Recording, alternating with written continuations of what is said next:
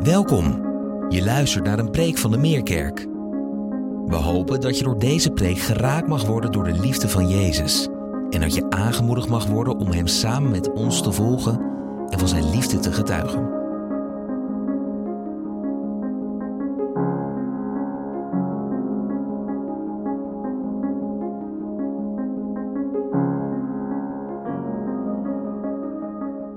Mooi, zie mij voor u staan, zondag en uw onrein. Dat is natuurlijk heel mooi opkomen.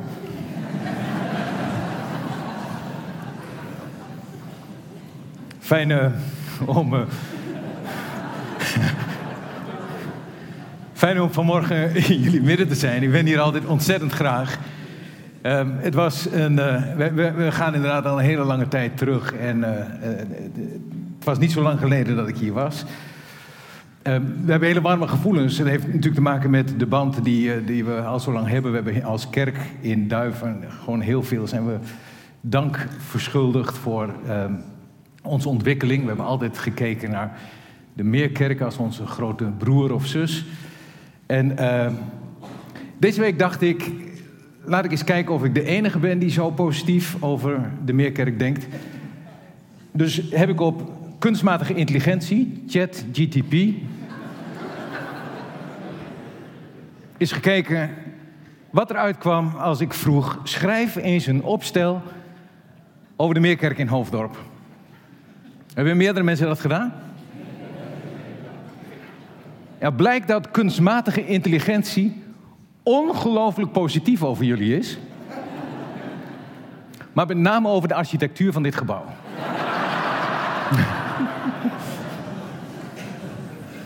Het werd vergeleken met een schip. En een opvallend, het is een opvallende eh, plek hier in eh, de Haarlemmermeer waar niemand omheen kan. Nou, ik zou eens, eh, eens kijken naar wat zij over jullie schrijven. Het is eigenlijk jammer dat ik het nou niet op het scherm heb om jullie nog een pluim te geven. Nou, vandaag begint een bijzondere tijd in de 40 dagen periode. Ik, ik weet niet of jullie bezig zijn met, met 40 dagen of dat een moment is waarin je afschakelt. Ehm, wij doen in, in onze gemeente in Duiven, wij zitten in een hele katholieke streek en eigenlijk al sinds het begin hebben we gezegd, het begin van de 40 dagen tijd, daar willen we ons gaan toeleggen op de tijd van Pasen die komt. Door eh, te vasten of eh, dingen niet te doen, zodat je je hart voorbereidt op de tijd die komt. Nou, deze laatste eh, week voor Pasen, dan intensiveert dat afschakelen eigenlijk nog. En, en die 40 dagen tijd is een periode die eigenlijk al in de kerkgeschiedenis is, apart is gezet, zodat we ons kunnen richten op dat grote wonder. Maar als dan die laatste week dichterbij komt, dan hebben we zoveel woorden daarvoor. Ehm, ik begreep dat jullie hier in de Meerkerk spreken van de stille week. Toch? En dat doen wij ook in, in, in Duiven. En dat heeft te maken met dat we dan bijvoorbeeld weer afschakelen van alle vergaderingen. Die doen we niet. Dat we niet heel erg druk zijn met van alles. Dus als we het hebben over de stille week, hebben we het eigenlijk meer over hoe wij het beleven. dan over wat er plaatsgevonden heeft. Er wordt ook wel gesproken over de Lijdensweek. En als je over de Lijdensweek spreekt, dan kijk je met name naar het leed wat Christus natuurlijk geleden heeft uit liefde voor ons. Het werd ook de grote week genoemd in het Latijn. In het, in het Hebreeuws, of nee, niet Hebreeuws, in het eh, eh, Engels spreken ze van de Holy Week, de, de Heilige Week. Maar een van de oudste termen voor de week die wij met elkaar ingaan, is de Goede Week. We gaan de Goede Week in met elkaar. En dat is een bijzondere term als je erover nadenkt. Want wat maakt nou deze week zo goed? Moet ik een, is het fijn als ik een ander. eh, een andere. eh, eh, Jullie, hebben jullie last van het eh, rondzingen? Nee? Alleen de puristen onder ons? Oké. De vraag is: wat maakt nou deze week tot een goede week? Want als je de geschiedenis leest naar de kruisiging en de opstanding, dan is het bepaald niet een goede week voor de meeste mensen die daarin aan bod komen. Het was geen goede week voor Petrus. Het was geen goede week voor Johannes, die wegvlucht van de zien. Het was geen goede week voor Judas. Het was geen goede week voor Pilatus. Het was geen goede week voor Herodes. Het was geen goede week voor de Fariseeën. Het was geen goede week voor de mensen die bij de tempel hun uh, duiven en hun, hun uh, offerdieren verkochten of die geldwisselaars waren. Voor wie was deze week een goede week? Als je gevraagd had in de eerste week van, uh, of de, de, de week voordat Jezus stierf, dan was er waarschijnlijk niemand in Jeruzalem geweest die gedacht had dat deze week ooit de kwalificatie zou krijgen goede week. Het is een week van onbegrip. Bijna alles wat Jezus zegt wordt verkeerd geïnterpreteerd. Het is een week die begint met Hosanna, eindigt met kruisig hem. Het is een week van verloochening, van verraad. Eh, het is een week van veroordeling. Het is de week van de dood. Wat maakt nou dat we een goede week ingaan met elkaar? Um, ik neem jullie graag mee naar het perspectief van de Goede Week in die laatste dagen voor het kruis. En daarvoor lees ik Matthäus 21, vers 1 tot 14. Ik lees uit het NBV 21. Als je mee wilt lezen, kan op het scherm.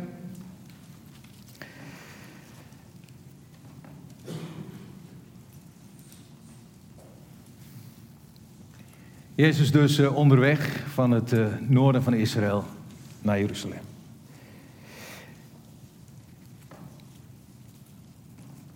Ze uit Jericho en dan staat er... Toen ze Jeruzalem naderden en bij Betfage op de Olijfberg kwamen... stuurde Jezus twee leerlingen erop uit met de opdracht... Ga naar het dorp dat daar ligt. Zodra je het binnenkomt, zul je een ezelin vinden die daar vastgebonden staat met haar veulen. Maak de dieren los en breng ze bij me. En als iemand jullie iets vraagt, antwoord dan: De Heer heeft ze nodig. Dan zul je ze meteen meekrijgen. Dit is gebeurd omdat in vervulling moest gaan wat door de profeet gezegd is. Zeg tegen vrouwen Sion: Kijk, je koning is in aantocht. Hij is zachtmoedig en hij rijdt op een ezelin en op het veulen het jong van een lastdier. De leerlingen gingen op weg en deden wat Jezus hen had opgedragen. Ze brachten de ezelin en het veulen mee, legden er mantels overheen en Jezus ging erop zitten. Vanuit de menigte spreidden velen hun mantels op de weg uit en anderen braken takken van de bomen en spreidden die uit op de weg. De talloze mensen die voor hem uitliepen en achter hem aankwamen, riepen luidkeels: Hosanna voor de zoon van David, gezegend hij die komt in de naam van de Heer. Hosanna in de hoogste hemel. Toen hij Jeruzalem binnenging, raakte de hele stad in rep en roer. Wie is die man, wilde men weten. En uit de menigte werd geantwoord, dat is Jezus. De profeet uit Nazareth in Galilea. En Jezus ging de tempel binnen en joeg iedereen die daar iets kocht of verkocht, uh, joeg hij weg. En hij gooide de tafels van de geldwisselaars en de stoelen van de duivenverkopers omver. En hij riep hun toe: Er staat geschreven: Mijn huis moet een huis van gebed zijn. Maar jullie maken er een rovershol van. Toen kwamen er in de tempel blinden en verlamden naar hem toe. En hij genas hen. Nou, de intocht in uh, Jeruzalem. Dat is natuurlijk het bekende verhaal wat, wat gelezen wordt op Palmzondag.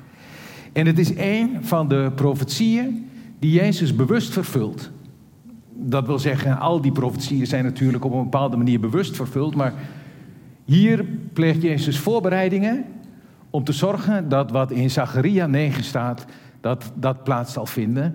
Namelijk dat de koning eh, zachtmoedig op een veulen de stad zal binnenrijden.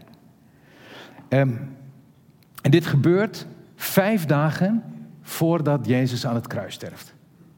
En dat is niet een willekeurig gekozen moment, want vijf dagen voor Pasen is het moment waarop de Joden het paaslam uitkiezen dat ze uiteindelijk zullen gaan slachten. En, uh, Exodus 2, vers. nee, in Exodus 12, vers 3. Daar staat dat op de tiende dag van Nissan kiezen de Joden een paaslam uit. En dat is dus de dag waarop Jezus uitgekozen wordt, uitverkoren door het volk en de mensen hem toezingen, Hosanna. Mensen weten waarschijnlijk niet dat ze daarmee de profetie in vervulling laten eh, gaan van het koningschap van Jezus. Maar wat wel duidelijk is, is dat koningschap zichtbaar wordt. En Jezus rijdt op een ezel, niet op een paard, geen oorlogszuchtige handeling. Maar hij laat daarmee zien dat hij nederig is en zachtmoedig. En hij is de eerste koning die rijdt op een ezel Jeruzalem binnen sinds Salomo. Dus iedereen voelt, en de hele stad staat hier in, in eh, Marcus, of in, in staat vier keer in de Bijbel dezezelfde geschiedenis, want het heeft zoveel indruk op mensen gemaakt. Dit moest door alle vier evangelisten worden neergetekend. Um, zachtmoedig en nederig. En iedereen wist, dit is de koning. En, en, en, en um, Matthäus is de enige die erbij zegt dat het ontzettend veel deed met de emoties van de mensen. Luidkeels roepen ze en de stad is in rep en roer. Dat is mooi, hè? Zachtmoedig. Eh, de meeste van ons zijn bekend met dit verhaal. Ehm, we raken onder de indruk van het feit dat Jezus zich niet laat kennen door de, ja, de kenmerkende karaktertrekken van, van mensen die aan de macht zijn, ehm, status. Maar in plaats daarvan wordt zijn koninkrijk getekend door genade en liefde. Maar je voelt ook als je het leest dat er iets gewoon helemaal niet klopt aan dat verhaal. Dat er aan de, onder de oppervlakte zoveel plaatsvindt dat verder gaat dan de blijdschap in de stad dat er een koning binnen is. En dat merk je alleen al aan het feit dat Jezus reageert op die intocht, hoewel bewust door hem gekozen, in tranen. Er staat maar twee keer in de Bijbel dat Jezus weent. Eén keer is bij het sterven van Lazarus. En de tweede keer is hier. Als hij kijkt over Jeruzalem en hij realiseert zich dat het volk niet begrijpt wat de diepte van geloven en de diepte van zijn verlossing inhoudt. Onder de oppervlakte gebeurt zoveel meer dan alleen maar die joelende, juichende blijdschap van mensen en dat is eigenlijk het kenmerk van, van Gods koninkrijk altijd. Het is niet alleen in die, in, die, in die blijdschap te vangen of in het optimisme. Um, God wil geloof in ons wekken dat meer is dan het geloof van een toeschouwer. Eh, hoeveel geloof heeft een toeschouwer uiteindelijk nodig? Als je alleen maar blij bent en, en, en opgewekt over hoe mooi en fantastisch het is, daar heb je weinig geloof voor aan de dag hoef je weinig geloof aan de dag te leggen. En, en God wil geen kwakkelgeloof in ons wekken. Hij wil ons meenemen naar de diepte van een gebeurtenis. Dus hoe mooi die intocht in Jeruzalem ook is, er zit iets van een laag onder die Jezus proeft, die wij zien met elkaar, maar die voor de mensen in die tijd verborgen waren. En, en het opent de emoties van Jezus die je in die goede week voorbij ziet komen. Nou, dicht bij ons huis, in Duiven, waar Tanja en ik wonen, staat een beeld, een Jezusbeeld. En dat heet een heilig hartbeeld. En als wij hard lopen, en in een goede week lopen wij drie keer hard, dan komen we er langs. Kijk, dit is dat, dat beeld. Ik vind het heel mooi. Um, het is eh, een beeld wat, wat gezet is in 1923 is het geschonken aan de katholieke kerk. Daar staat het ook voor bij ons. Ik zei al, het is een katholieke streek. Maar in, in totaal zijn er van dit soort beelden in Nederland... en ik moest met de hand tellen, dus misschien dat ik er één of twee gemist heb... 247. En uh, uh, bijna was er één in Nieuw-Vennep. En die erop lijkt, ook daar voor de katholieke kerk. Maar ik keek goed en het blijkt toch dat daar niet een hart de sacre hè, het heilige hart, werd daar niet in afgebeeld. Maar in die heilige hartbeelden, maar die zijn mooi, daarin wijst Jezus naar zijn hart. Of uh, hier staat Jezus met, met twee vingers naar boven en, en hij wijst op zijn hart. Ten teken van de liefde en de barmhartigheid van wie hij is. En um, Jezus raakt dus zijn hart aan. En dat is een vlammend hart. En dat geeft zijn karakter prachtig weer. Een vlammend hart. Want eh, naast liefde in dat hart van Jezus brandt er ook iets van hartstocht. Eh, eh, en, en, en die zie je met name in de Goede Week heel sterk. Want nergens wordt er zoveel over de emoties van Jezus gesproken als in deze week die voor ons ligt. Eh, we zien de eenzaamheid van Jezus. Als die in de steek wordt gelaten. We zien de teleurstelling bij Jezus als die onbegrepen is. We zien de angst in zijn ogen als hij aan het bidden is bij Gethsemane. We zien zijn verdriet over Jeruzalem. En we zien zijn boosheid. Nou, dan wordt er maar heel zelden over de boosheid van Jezus gesproken. Het woord boos wordt eigenlijk maar één keer in de Bijbel nog aan Jezus gekoppeld. Dat is op het moment dat, hij de, uh, dat de fariseeën proberen hem een, een, een, loer te draaien. In het begin van zijn onderwijs. En uh, Jezus reageert daar furieus op. Maar ook meteen na die intocht maken we kennis met de boosheid van Jezus. En boosheid is op zich dus geen zondige eigenschap. Want dan zou Jezus haar niet hebben. Uh, boosheid kan soms juist je helpen om op het spoor van de rechtvaardigheid te belanden. Om te zorgen dat datgene wat misschien een status quo lijkt aan de verkeerde kant, dat je dat doorbreekt.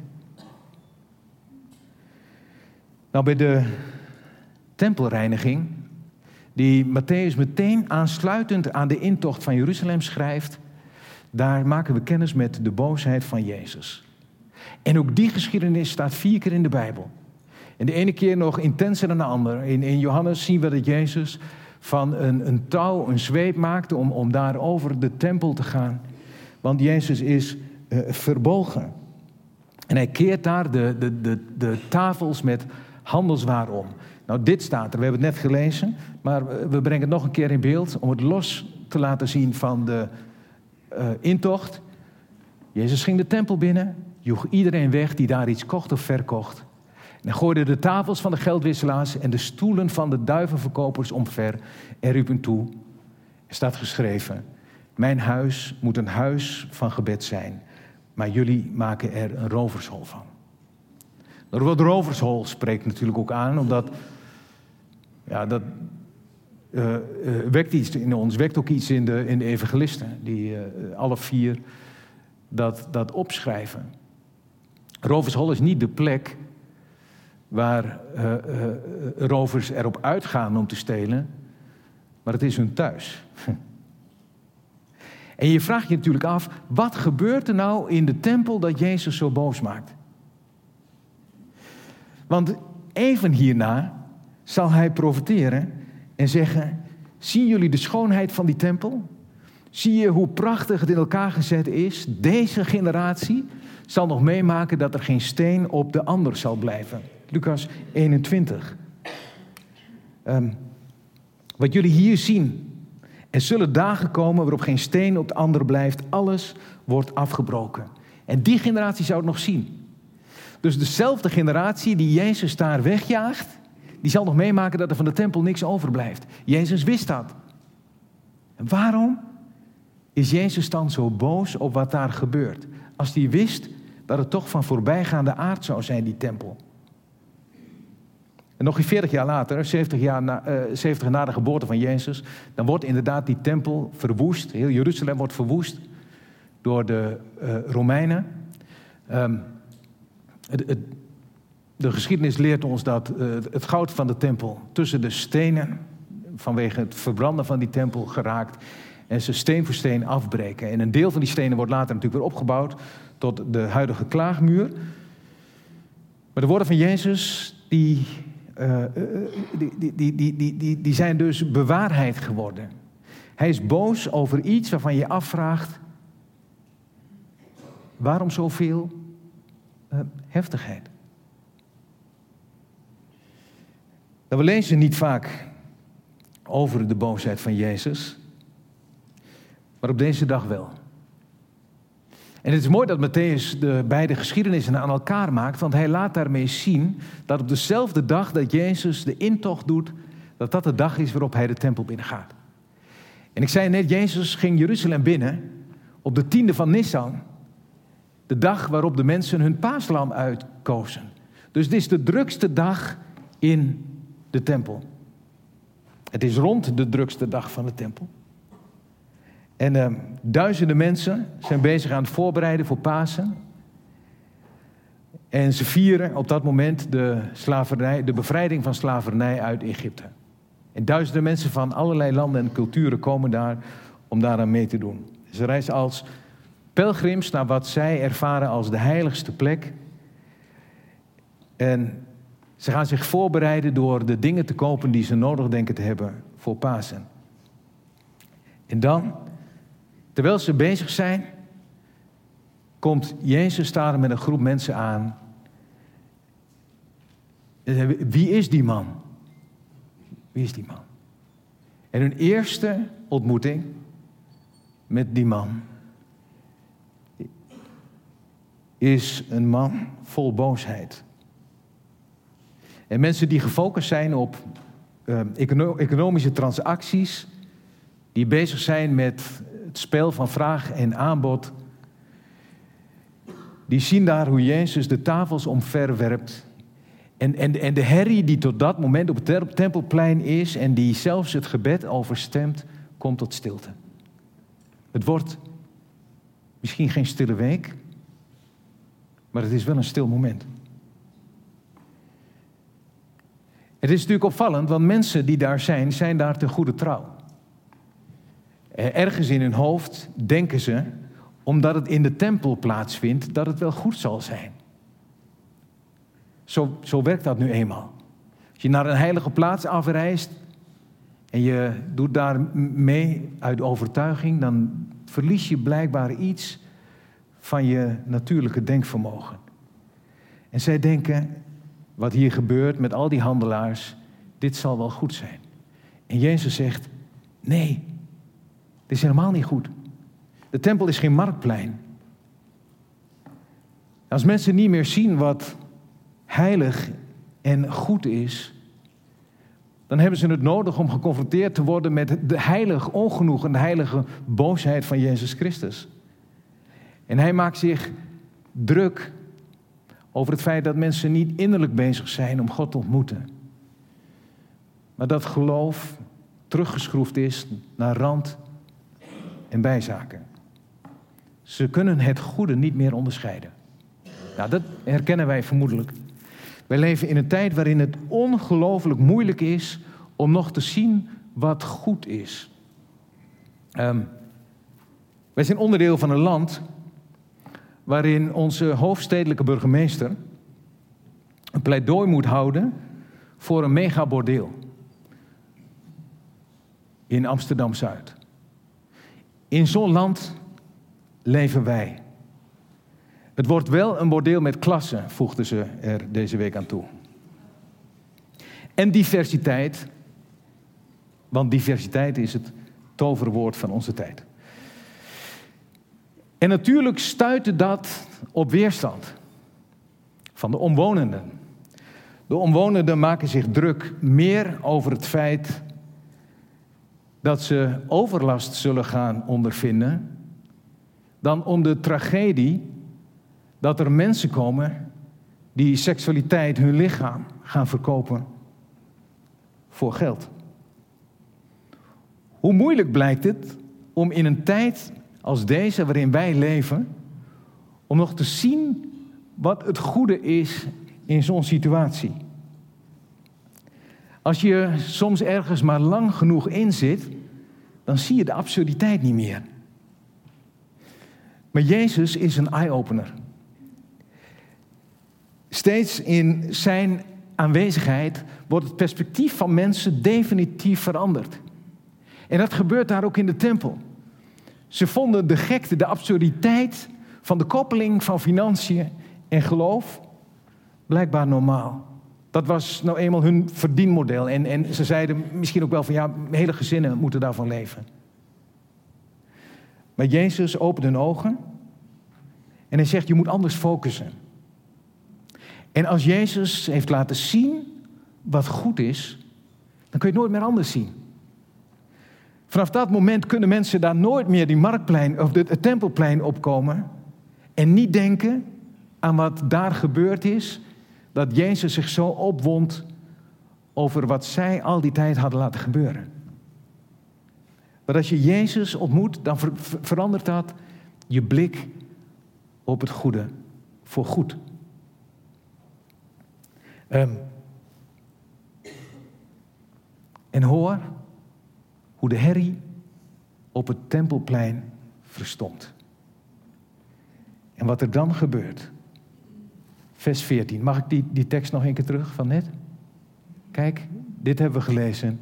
En dan staat er in vers 14. Toen kwamen er in de tempel blinden en verlamden naar hem toe. En hij genas hen. Nu er plaats voor hen was, stroomden de blinde en de kreupele mensen de tempel naar binnen. En Jezus, die geneest deze mensen tussen de omvergeworpen tafels. Dat is een prachtig beeld. Tussen de omvergeworpen tafels van het, het, het, het verkeerde, van het absurde, van het niet inzien wat goed is. Daar doet Jezus het goede. En ineens begin je misschien ook te begrijpen waarom Jezus zo boos is over wat daar gebeurt. Ook omdat het beeld van tempel later in de Bijbel voortdurend gebruikt zal worden om aan te geven wie wij zijn. Jullie zijn een tempel. In handelingen zien we dat God in mensen kwam wonen. En, en, en door zijn geest uit te storten, vindt God een nieuwe woonplaats in ons. Wij zijn een tempel. En onze lichamen zijn de plek waar God het goede zoekt. Dus je kunt je voorstellen dat Jezus hier over dit moment heen kijkt naar zijn relatie met ons. Weet u niet dat u een tempel van God bent?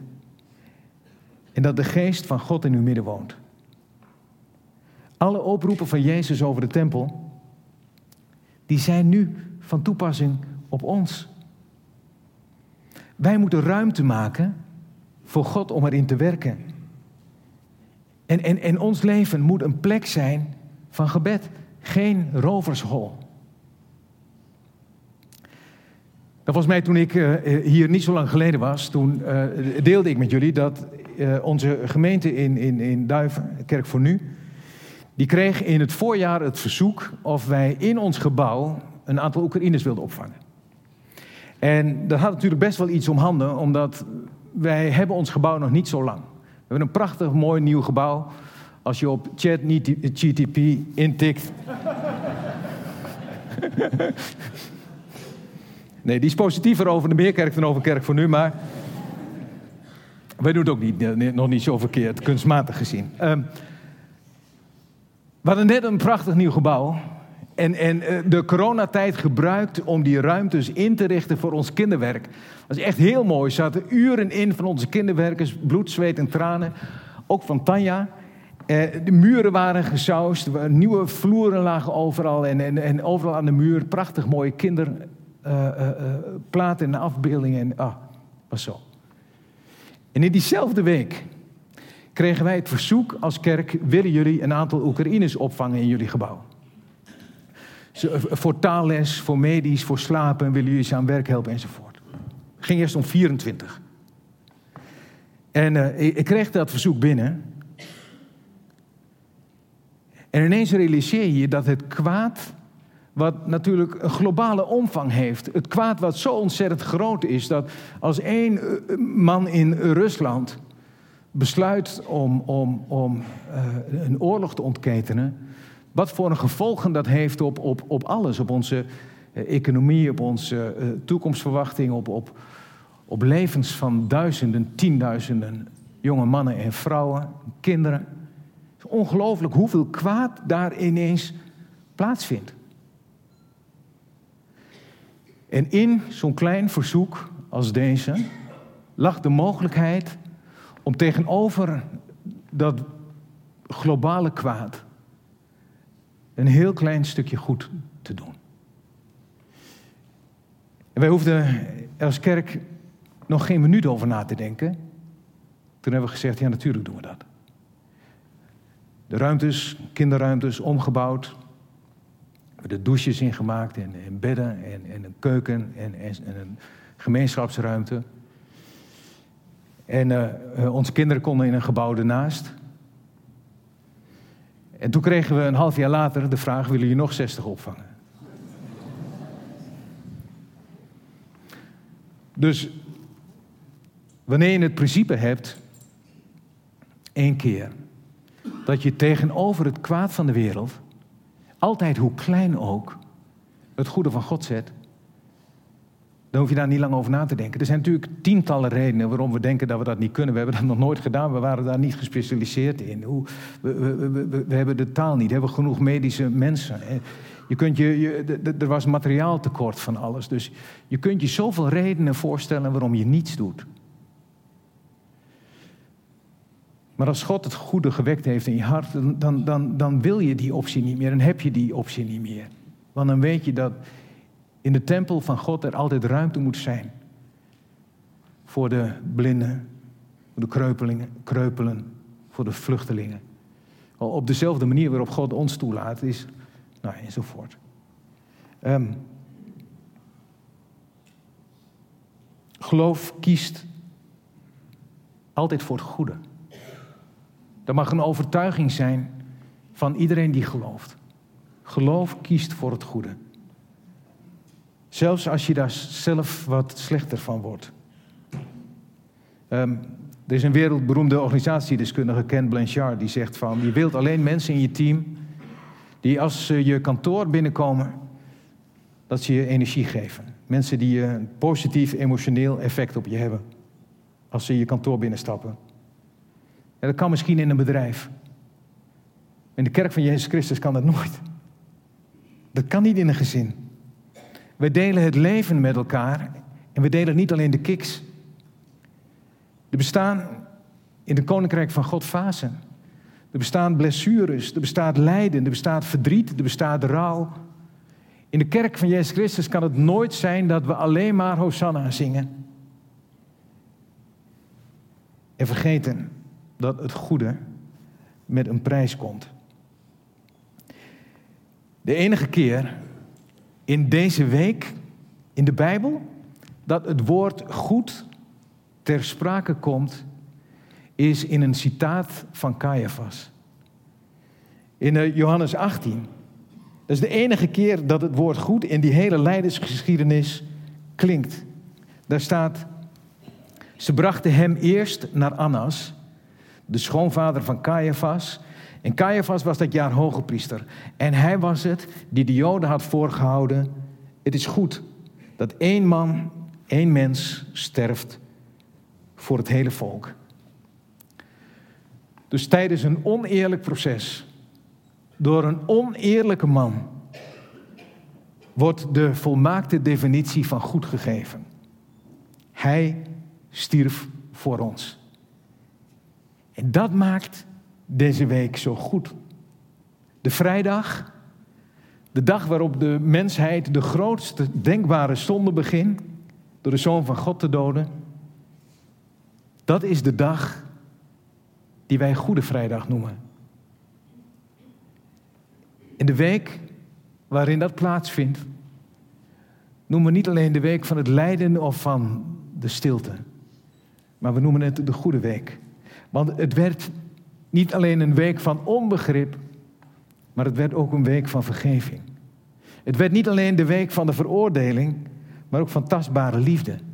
En bovenal, het werd de laatste week waarin God ons aankeek voordat de genade doorbrak.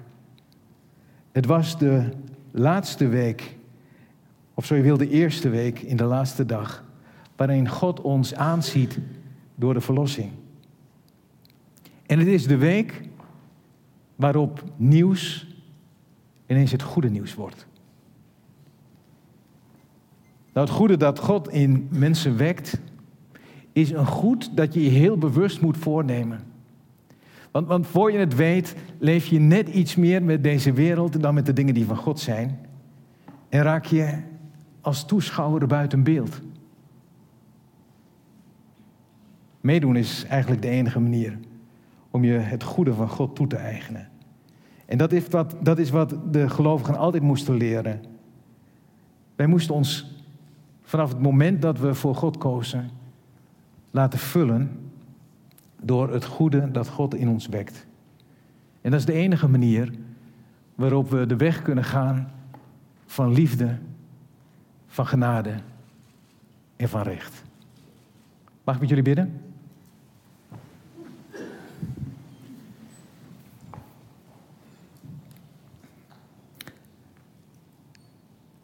Lieve en goede Hemelse Vader.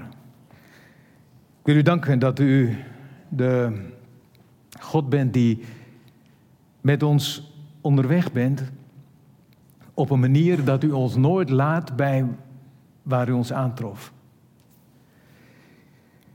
Ik wil u danken, Heer, dat uh, u ons in levens tegemoet kwam op het moment dat wij verstilden of op het moment dat wij uh, lijden ondervonden. Misschien in een, eh, een groot moment van ons leven dat u ineens binnenkwam en dat we ineens begrepen dat we u toebehoorden. Maar u laat ons nooit eh, bij dat beginpunt, want het is zo mooi hoe u steeds in uh, uw kinderen het goede wilt wekken. En wat ons zo geruststelt, Heer, is dat de mensen waar u dat aanvankelijk in, in, in wekt, dat het nou niet bepaalde mensen zijn die. Uh, daarvoor open leken te staan of dat te begrijpen. Maar ik wil u danken dat het uiteindelijk een goede week geworden is voor, voor Petrus. Ik wil u danken dat het een goede week geworden is voor Johannes. Ik wil u danken, Heer, dat het een goede week geworden is voor iedereen die daar ergens deelgenoot van was. Van wat het eind van het goede leek. Ja, maar wat het begin werd van uw verlossing. Maar bovenal wil ik u vandaag danken dat, dat wij daar onderdeel van mogen zijn. Heer, en, niet alleen aan de ontvangende kant willen we daarin staan, maar wil u ook zeggen, gebruik ons daarin. En Heer, als, eh, als op dit moment de 40 dagen tijd zich intensiveert en we staan voor zeven dagen waarin we ons hart voorbereiden op Pasen. Heer, dan willen we u vragen of u niet alleen ons hart wilt voorbereiden in een theoretische zin. En neem ons helemaal. Heer, en, en, leid ons over de hobbels die we soms opwerpen om maar niet te doen. Heer, ik wil u danken voor de schoonheid die we mogen ervaren. Ook in al die momenten dat we uw woord lezen en geconfronteerd worden bij de onvolmaaktheid van deze wereld. Want Heer, het doet ons steeds weer realiseren dat er ergens is waar we kunnen gaan. En dat is bij u. Ik wil u danken, Heer, voor eh, dit moment samen. Dank voor eh, die prachtige woorden die in uw woord ons tegemoet komen, die ons ten diepste vervullen. En die ons steeds dichter brengen bij de mens die we bedoeld waren te zijn toen u ons tot aanschijn riep. Ik bid dat in Jezus' naam. Amen.